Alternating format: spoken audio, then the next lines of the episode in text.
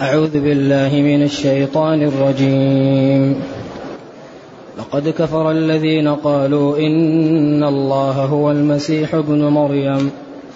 قل فمن يملك من الله شيئا إن أراد أن يهلك المسيح ابن مريم وأمه ومن في الأرض جميعا. ولله ملك السماوات والأرض وما بينهما يخلق ما يشاء. والله على كل شيء قدير. وقالت اليهود والنصارى نحن أبناء الله وأحباؤه. قل فلم يعذبكم بذنوبكم بل أنتم بشر ممن خلق. يغفر لمن يشاء ويعذب من يشاء. ولله ملك السماوات والأرض وما بينهما وإليه المصير. يا أهل الكتاب قد جاءكم رسولنا يبين لكم على فترة من الرسل أن تقولوا أن تقولوا ما جاءنا من بشير ولا نذير. فقد جاءكم بشير ونذير والله على كل شيء قدير. الحمد لله. الحمد لله الذي أنزل إلينا أشمل كتاب وأرسل إلينا أفضل الرسل وجعلنا خير أمة أخرجت للناس. فله الحمد وله الشكر على هذه النعم العظيمة والآلاء الجسيمة. والصلاة والسلام على خير خلق الله وعلى آله وأصحابه ومن اهتدى بهداه.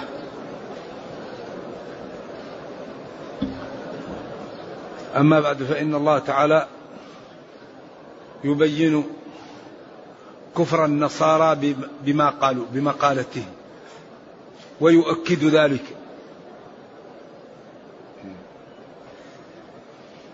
لقد كفر الذين قالوا إذا هم قالوا هذا والله لقد كفر من قال هذا. إذا هم كفار. لقد كفر الذين قالوا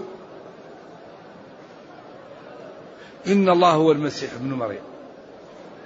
والنصارى قالوا إن الله هو المسيح ابن مريم أو جماعة منهم. إذا هؤلاء كفروا بهذا القول. اللام تؤكد وقد تؤكد وكفر فعل ماضي. والذين قالوا هم النصارى إن الله هو المسيح ابن مريم. وقالت فرقة إن المسيح ابن الله. قل فمن يملك من الله شيئا؟ إن أراد أن يهلك المسيح ابن مريم وأمه ومن في الأرض جميعا. إذا ما قلتم يا يهود كذب؟ لأن الله لا يمكن أن يهلك. والله لا يمكن أن ينال منه.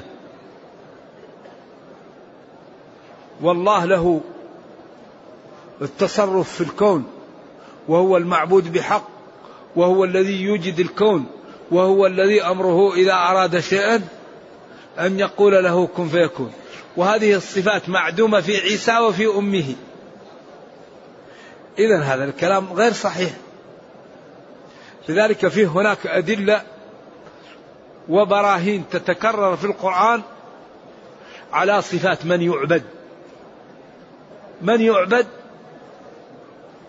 الذي إيش؟ من يعبد الذي يخلق. يستحق العبادة من يتصف بالخلق. الذي يخلق. الذي يعجز عن الخلق لا يصلح للعبادة. المخلوق لا يصلح للعبادة. لذلك يكثر في كتاب ربنا بعد إكرام ناس استقاموا أو عقوبة ناس انحرفوا أو وصف ناس فضلاء أو وصف ناس رذلا أن يدلل على قدرته. وأكثر ما يدلل على قدرته به ما لا الخلق وبالأخص خلق الإنسان في بداياته الأولى أو خلق السماوات والأرض. هذا يكاد لا ينخرم. في القرآن إما يقرب وإما يبعد. فإذا وصف صفات متقين لا بد بعد المقطع أن يبرهن بما لا بالقدرة. لأن الذي يقدر على الخلق يقدر على الإكرام. الذي يقدر على الخلق يقدر على العقوبة. إذا هو كالبرهان وكالنتيجة على أن أوامر الله تمتثل وعلى أن نواهيه تترك. ومما جاء في هذا جلي. لما بين الله تعالى ما للمؤمنين. فقال قد أفلح قد حرف تحقيق أفلح يعني دخل في الفلاح. والفلاح هو الفوز. والفوز أن يأمن الإنسان مما يخاف ويدرك ما يرغب فيه المؤمنون. بعدين بين صفاتهم وبين كثير من أمورهم والذين هم لفروجهم حافظون إلى أن قال والذين هم لأماناتهم وعهدهم راعون والذين هم على صلواتهم يحافظون. بعدين قال ما جزاؤهم هؤلاء هم الوارثون الذين يرثون الفردوس هم فيها خالدون. ما الدليل على ذلك؟ ولقد خلقنا الإنسان من سلالة من طين. إذا لما ذكر أصول دخول الجنة ولما ذكر هناك أصول دخول جهنم حينما سأل المشركون المسلمين حينما سأل المسلمون أهل الجنة المشركين ما سلككم في سقر وكنا نخوض مع الخائضين وكنا نكذب بيوم الدين. بعدين بين بين بين بين ثم في نهاية بعد مقطع من ماء مهين فجعلناه أول السورة بعد السورة هذه بسورة. لما المقطع هذا طولوا كثير وبين قدرة الله ووضح هذا. ثم في النهاية قال ما لا؟ إنا خلقنا الإنسان من نطفة أمشاج نبتليه. أخلاق. خلقنا الإنسان من نطفة. إذا الذي يخلق من الماء قادر على أن يكرم المتقي وقادر على أن يعاقب المجرم. إذا كفوا وامتثلوا. كفوا عما نهيتم عنه. وامتثلوا ما أمرتم به. واعلموا أن هذه براهين دالة على أن ما أخبر به صدق وأن ما وعد به من الكرامة سيقوم به ويعمله وما أوعد به من العقوبة حري بأن ينفذه على من لم يطعه. إذا هذا القرآن وهذا الكتاب جاء لانتشال البشرية. هو ينتشل البشرية. ينقذها. جاء للإنقاذ. جاء للهداية للرحمة للرفق للازدهار لأن تكون حياة العبد حياة هنية. إذا يقول لقد كفر الذين قالوا إن الله هو المسيح ابن مريم. هذه جماعة من النصارى. قل لهم يا نبيي من يملك من الله شيئا؟ من يستطيع أن يرد ما أراده الله؟ إن أراد أن يهلك المسيح ابن مريم وأمه. إن أراد أن يقبض أرواحهم أو يوقع بهم أي شيء أراده. من يستطيع أن يدفع عنهم؟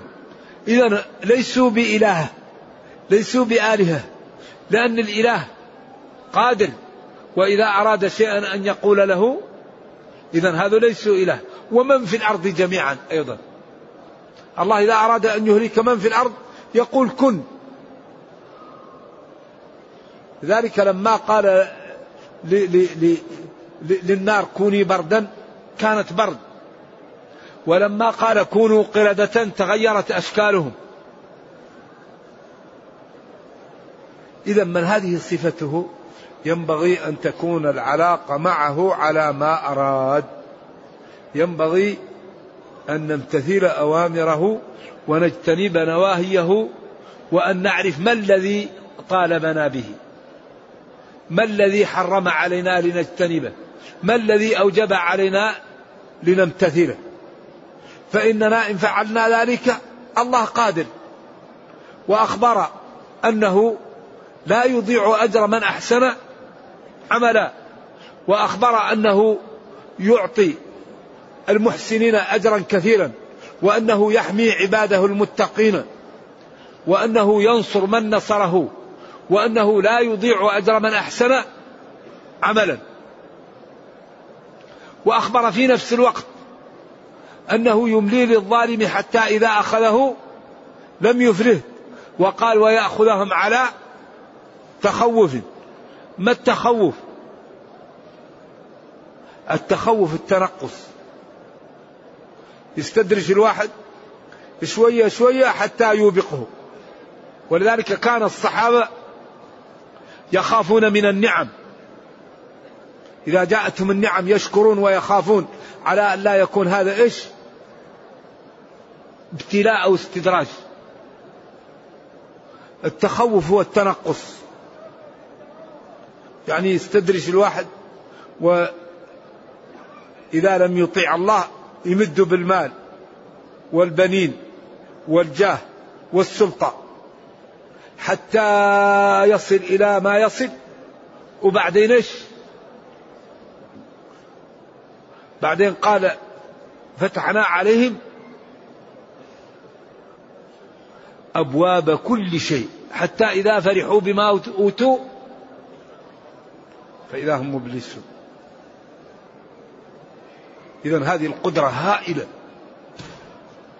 و و ومن أراد النجاة فليسلك طريق النجاة. من يريد النجاة يسلك طرق النجاة. ولا يغتر بكثرة البعيدين عن الإسلام لأن الله يقول وما أكثر الناس ولو حرصت بمؤمنين ويقول وإن تطع أكثر من في الأرض يضلوك عن سبيل الله. إذا المسلم لا يغتر بكثرة المخطئين ولا بكثرة المنحرفين. وإنما يصبر ويمتثل ويلتزم. والدنيا متاع قليل والآخرة خير لمن اتقى ولا تظلمون فتيلا. ثم قال ولله ملك السماوات والأرض وما بينهما. ولله لا لغيره. ملك السماوات والأرض هو الذي خلقها. ألم ترى أن أولم يرى الذين كفروا أن السماوات والأرض كانتا رتقا ففتقناهما. أو كانت هذه لا تنبت وهذه لا تمطر. ففتقنا هذه بالمطر وفتقنا هذه بالنبات. قولان للعلماء. أنها كانت رتقا مع بعض. ففتقناهما. فصلناهما. أو كانت هذه لا تنبت وهذه لا تمطر. ومطرت والله خلقهم. خلق الأرض ثم خلق السماء ثم دحى الأرض بعد أن خلق السماء ثم جعل فيها أقواتها وبارك فيها وجعل البركة. إنسان يضع حبة يطلع له منها السنبل ويضع أشياء قليلة فالله يبارك فيها. وجعل فيها الطرق والفجاج وجعل فيها الماء العذب. إن أصبح ماؤكم غورا فمن يأتيكم بماء؟ معين. نعم وقدرة وأمور هائلة لا يعلمها إلا الله. ونحن يعني نائمون. المسلمون نائمون. فحري بنا أن نستيقظ ونأخذ كتاب ربنا بقوة ونظهر للناس جمال هذا الدين في حياتنا. لأن في هذه الأيام أحسن ما يقوم به المسلم القدوة الحسنة. القدوة القدوة. فالقدوة هي التي تعطي للناس جمال الدين وهي التي يفهمها الجميع. وما أريد أن أخالفكم إلى ما أنهاكم عنه. فالقدوة القدوة. لذلك صحابة نبي الله صلى الله عليه وسلم نشروا هذا الإسلام في مدة وجيزة. مدة وجيزة. كم؟ يمكن خمسين سنة. إلى أربعين سنة. بعد الخلافة الراشدة أقل من خمسين سنة.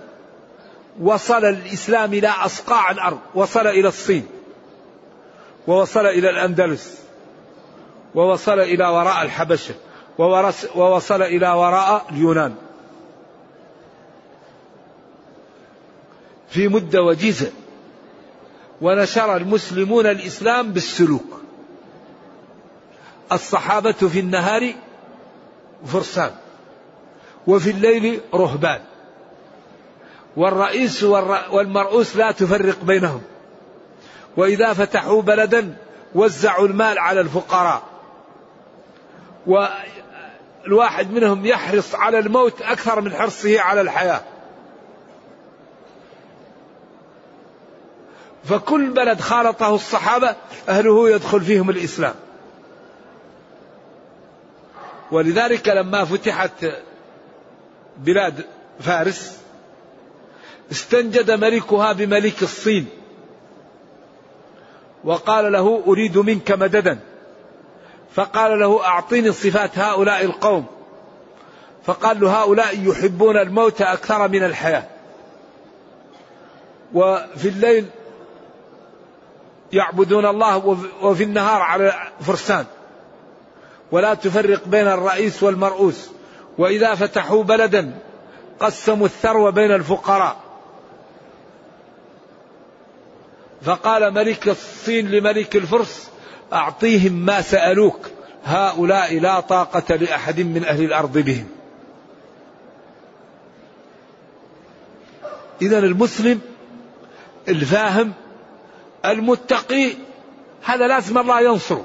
لأن الله يقول ولا ينصرن الله من ينصره. والله يقول إن الله لا يخلف الميعاد. إذا القضية واضحة جدا. يعني إذا أردنا ننتصر لا بد أن نسلك طرق النصر. لا بد أن نطرق أبواب النصر. لا بد أن نهتم بالطاعة. لا بد أن نخاف من المعاصي. لا بد أن نهتم بالأمور التي تأتي بالقوة. ونخاف من الأمور التي تأتي بالضعف. بعدين قال ولله ملك السماوات والأرض وما بينهما يخلق ما يشاء. يخلق. فالخلق سر يخلق. ولذلك يقول أفمن يخلق؟ كمن لا يخلق. ويقول يخلقكم في بطون أمهاتكم خلقا من بعد خلق في ظلمات ثلاث. ظلمة البطن وظلمة الرحم وظلمة المشيمة. يفتح العين ويأتي بالشعر ويأتي بالصبغ ويفتح الفم ويأتي باللسان. ويجعل لك عين عذبة تجملك على على قدر الحاجة. ويعطيك هذه اللحمة التي تعبر بها عما يجيس في صدرك. علمه البيان. قدرة هائلة ويجعل الأذن بهذه الطريق ويجعل فيها مادة تنفر الحشرات لأن الأذن ما هي مثل العين. العين لأنها فيها ما يعني أداة تغطيها لكن الأذن ما في من يغطيها فجعل فيها مادة تنفر الحشرات. ولذا يقول وفي أنفسكم أفلا تبصرون؟ خلقا من بعد خلق في ظلمات ثلاث. يمكن الأم تكون تعصي الله. وهي خلق من بعد خلق. شوف الأظافر الأصابع الإبهام بعيد. لو كان الإبهام مثل هذا يعني ما تقدر تفك. شوف لو كان كذا الحل يكون صعب. لكن جعل الإبهام بعيد عشان تقدر تحل وتعقد. قادرين على أن نسوي ليست البصمة لا لا ما هي البصمة. أي نجعل يدك يد البعير. وقال نحن خلقناهم وشددنا أسرهم شددنا أسرهم وإلا يقال مسكين فلان أمس كان يسابق وسقطت رجله. نام وسقطت أذنه. تمغط وسقطت يده. ما في. شددنا أسرهم قدرة قدرة هائلة. قدرة نعم. إكرام لبني آدم ولقد كرمنا بني آدم. وكان الإنسان كفرا إنا عرضنا الأمانة على السماوات والأرض والجبال فأبين أن يحملنها وأشفقن منها وحملها الإنسان. مشكلة. كرمناه ولكن مشكلة. فلذلك الحقيقة حري بنا أن نبحث عن موارد العز. ونهتم بها. ونهتم بأنفسنا. ونهتم بمصالحنا. ونهتم بضعافنا. حتى نكون في المكان إيش؟ لائق بالأمة. وربنا كريم. ويغفر الذنوب جميعا. ومن فتح باب الله يفتح له. نعم. الله من تاب تاب الله عليه. وإذا الإنسان فتح الله يعطيه ويوفق ويعطيه كل ما يريد. وقل اعملوا فسهل الله عملكم. والله جل وعلا على كل شيء قدير. كل شيء قدير. جبريل نتق الجبل. نتقوا الجبل مثل الوتد النتق هو أن تأخذ الوتد كنت تدقه ترفعه كذا. رفع الجبل. لأن هؤلاء اليهود بنو إسرائيل أمرهم عجيب. قالوا ما ما نمتثل. فرفع الجبل فوقهم. وقال تمتثلوا أو نحط عليكم الجبل. فصاروا يسجدوا كذا. يخافوا أن ينزل عليهم الجبل. ولذلك هم الآن لا يسجدوا هنا هكذا وإنما يسجدوا ويمروا هكذا لأن الله نجاهم. وإذا نتقنا الجبل فوقهم كأنه غلته وظنوا أنه واقع بهم. وقلنا لهم خذوا ما أتيناكم بقوة. خذوا أي وقلنا لهم خذوا. إذا من ينتقي الجبل؟ مخلوق من مخلوقات الله ينطق الجبل. إذا قدرة الله كيف؟ جبريل وضع جناحه تحت قرى لوط وقلبها. والمؤتفكة أهوى. الذين جاءوا يريدون العمل الخبيث مع الملائكة وقال لهم لوط كلام المحزن. حتى جاءت نقطة الصفر. وقال لو أن لي بكم قوة إلى ركن شديد. يرحم الله لوط كان يأوي إلى ركن شديد. قال له جبريل يا لوط إنا رسل ربك. لن يصلوا إليك. ومسح يده على عيونهم فأصبح الوجه لا يوجد فيه عين ولا أنف ولا فم. أصبح الوجه مثل الكف طمسنا أعينهم. أصبح الوجه مثل القفا. ورفع وقلب إذا الأمة إذا استقامت على الدين تنصر الأمة إذا امتثلت أوامر الله واجتنبت نواهيه تنصر إذا والله على كل شيء قدير. لكنه جعل كل أمر مربوط بسبب العلم بالتعلم الحلم بالتحلم التقاء بالعبادة الأولاد بالتزويج محبة الناس بإكرامها والتغاضي عنها محبة الله بطاعته والزهد فيما عند الناس والزهد فيما عند الله. إذا أوفوا بعهدي أوفي بعهدكم. إن الله اشترى. أوفوا بعهدي أوفي بعهدكم. إن الله اشترى. إذا الحياة مبادلات. فالذي يريد العزة يبذل. والذي يريد الذلة يكف. كل شيء بثمنه. العلم له ثمن. التقى له ثمن. المال له ثمن. الولد له ثمن. أن تبر بوالديك له ثمن. أن يحبك الناس ويدعون لك له ثمن. وأيضا الانحراف والدعاء وترك الصلاة والراحة وعدم الاهتمام بالدين وعدم الاهتمام بالإسلام وعدم الاهتمام بالمسلمين ومحبة الشهوات والإغراق فيها له أيضا إيش؟ له ثمن. والله قال ألم نجعل له عينين ولسانا وهديناه والله لا عذر لنا بعد هذا. وهديناه النجدين. إذا لا عذر لنا بعد بيان كتاب ربنا. فقد بين لنا بيانا شافيا وجعلنا على المحجة البيضاء. بيان شافي. فلذلك حري بنا أن نهتم ونجتهد. والله تعالى يقول وقل اعملوا فسيرى الله عملكم ورسوله. والله جل وعلا على كل شيء قدير. المعبود بحق الله على كل شيء قدير. يمكن هذا العالم كله يفنيه ويأتي بناس جدد. وإن تتولوا فاستبدل قوما غيركم ثم لا يكونوا أمثالكم. إبراهيم عليه وعلى نبينا الصلاة والسلام قال رب أرني كيف تحيي الموتى. قال أولم تؤمن؟ قال بلى ولكن ليطمئن قلبي. قال خذ أربعة من الطير فقربهم إليك ثم قطعهم ثم مزقهم ثم اجعل على كل جبل منهن جزءا ثم قول يا طيور تعالوا ثم ادعوهن كيأتينك واعلم أن الله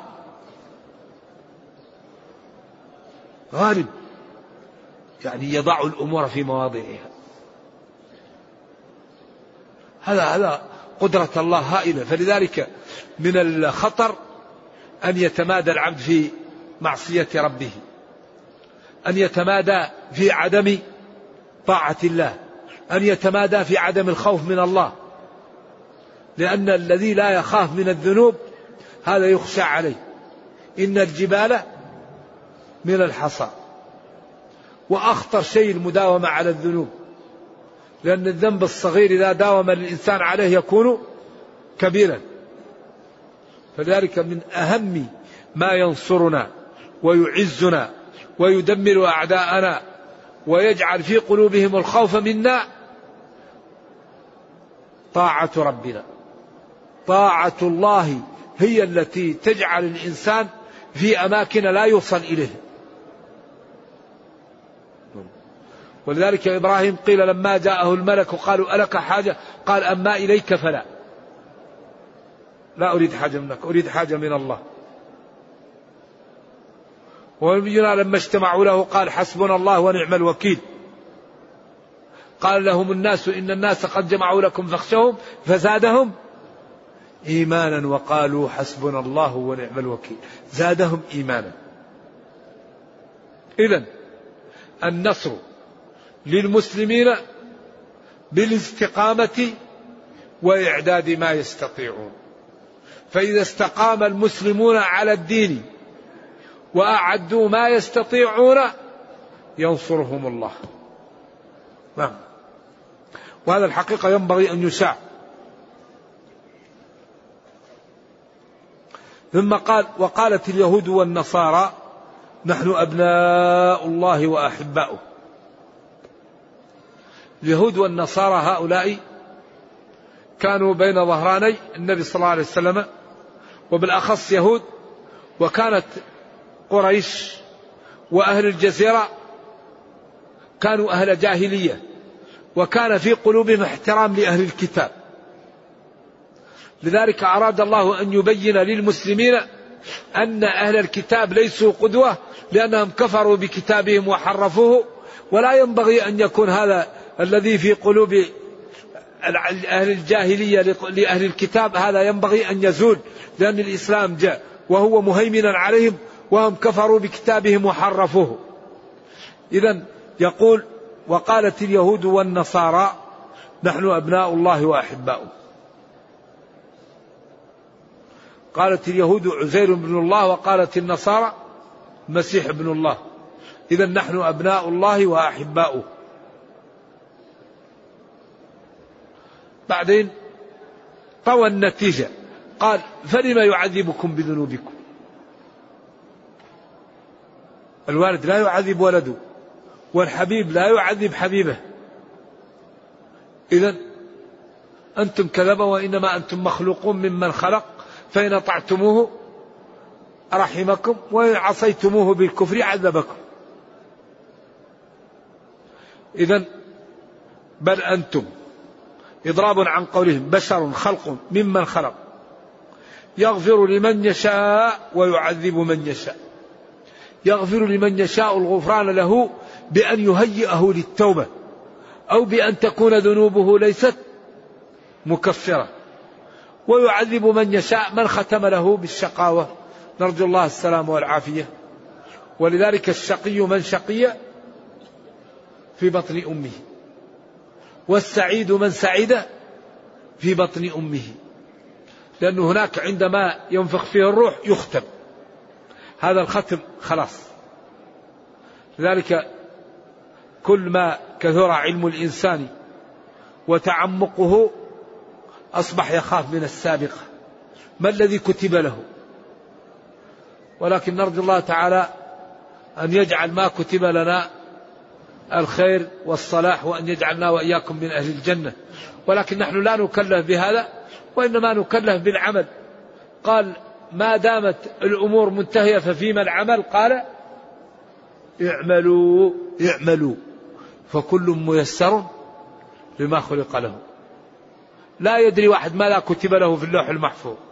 إذا كل واحد يترك العمل على يقين وعلى بصيرة وعلى تعمد. فلذلك قال اعملوا فكل ميسر لما خلق له. إذا اليهود والنصارى كذبوا فيما قالوا ولو كانوا صادقين لما عذبهم الله. والله تعالى لم يلد ولم يولد ولم يكن له كفوا أحد وهو يطعم ولا يطعم. كل من في السماوات والأرض إلا آتي الرحمن عبدا لقد أحصاهم وعدهم عدا وكلهم آتيه يوم القيامة فردا. إن الذين آمنوا وعملوا الصالحات سيجعل لهم الرحمن ودا. والله هذا الكتاب عجيب. أدلة وبراهين وحجج واضحة لا لبس فيها. إذا نحن أحوج ما نحتاج إليه تمثل الدين. ما لا يؤلمني ويؤرقني مثل أن نرى مسلما أكرمه الله بالإسلام وأكرمه بفهم القرآن أن يكون يتجمل بصفات وبأخلاق الكفار. هذه الكارثة. الله يعطي للعبد أن يكون يفهم العربية ويقرأ القرآن ويجعله من أمة محمد صلى الله عليه وسلم سيد ولد آدم. ويكون يتجمل بأن يكون مثل الكفار. يتزيب زيهم ويلبس زيهم ويترك أشكال المسلمين ويحاول يتجمل بهذا. هذا هذا نوع من طمس البصيرة والضعف عجيب. في الوقت الذي هل رأيت أحدا منهم يلبس لباسنا؟ هل رأيت أحدا منهم يتزي بزينا؟ طيب لماذا؟ لماذا المسلم يحاول أن يتشبه بغير المسلمين؟ لماذا؟ لماذا؟ المسلم لا بد أن يتجمل بالدين يتجمل بالإسلام. ومن أحسن قولا ممن دعا إلى الله وعمل وقال إنني من المسلمين يعتز بالإسلام. والذي يريد أن يسخر ممن يستقيم على الدين نطلب منه شيئا واحدا وهو أن يمنعني من الموت. قل خلاص امنعني من الموت. ما دام الإنسان سيموت ويوضع في القبر ما الذي ينبغي أن يعمل؟ يستقيم. يستقيم قبل أن يفوت الأوان. لذلك الحقيقة لما ترى مسلما يعيش بين المسلمين وهو يتجمل بأخلاق الكفار ويتظره بأخلاق الكفار ويتحرك تحرك الكفار. والله الواحد يتألم نفسيا. بعدين كل ناس لهم قيم وكل ناس يهتموا بلغتهم وبعاداتهم. نحن لغتنا لغة القرآن معجز. الآن أهل الأرض كلهم قيل لهم إن كنتم مكذبين بهذا النبي فأتوا بمثل هذا القرآن فعجزوا. وقيل لهم وادعوا من يستطيع أن يساعدكم على الإتيان بمثل القرآن. فعجزوا. فهو كتاب قائم معجزة خالدة إلى قيام الساعة ونبيه خاتم الأنبياء.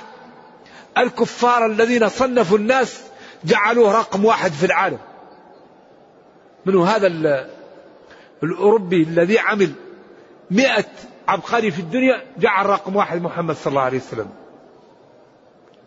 قال لا يوجد رجل أنتج دولة على الدين والدنيا في مدة مثل هذا في تاريخ الحياة.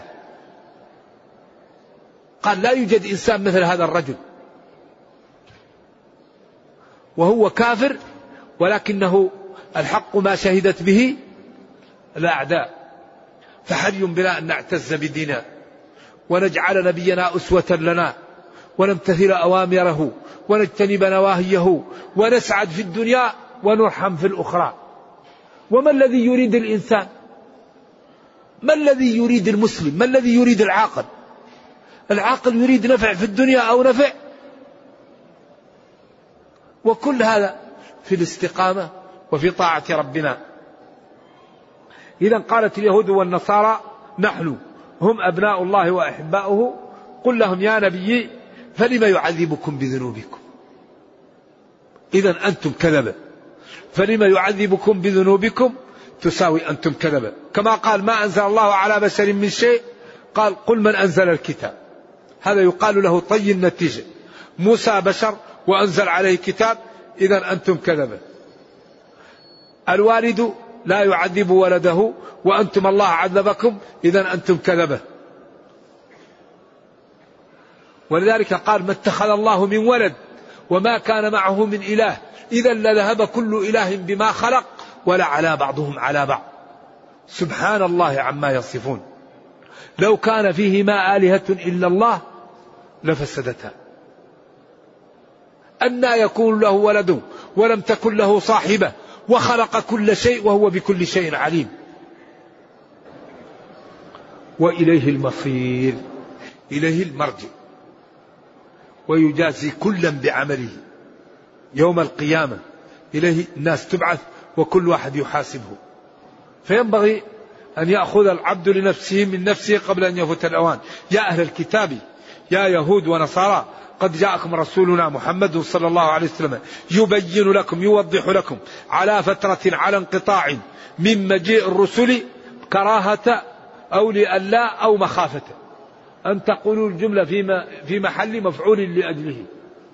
جاءكم رسول الله يبين لكم لكي لا تقولوا أو كراهة أن لا تقولوا أو مخافة أن لا تقولوا.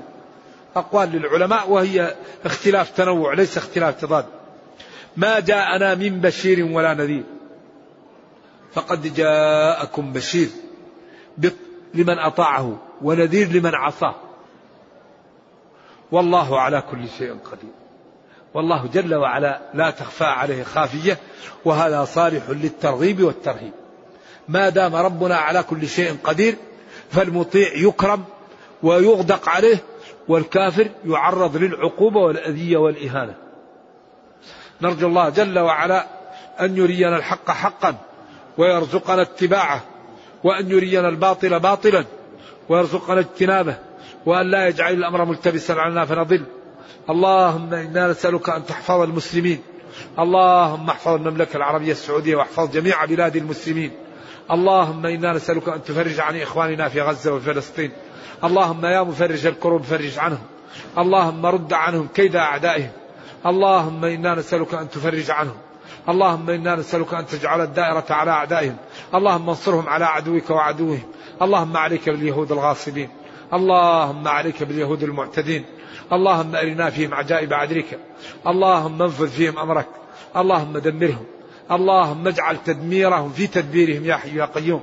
اللهم إنا نسألك أن توحد صفوف المسلمين وأن تقوي شوكتهم وأن ترد عنهم كيد أعدائهم اللهم ارحم ضعفنا اللهم ارحم ضعفنا اللهم تجاوز عن سيئاتنا. اللهم إنا نسألك الجنة ونعوذ بك من النار. سبحان ربك رب العزة عما يصفون وسلام على المرسلين والحمد لله رب العالمين. والسلام عليكم ورحمة الله وبركاته.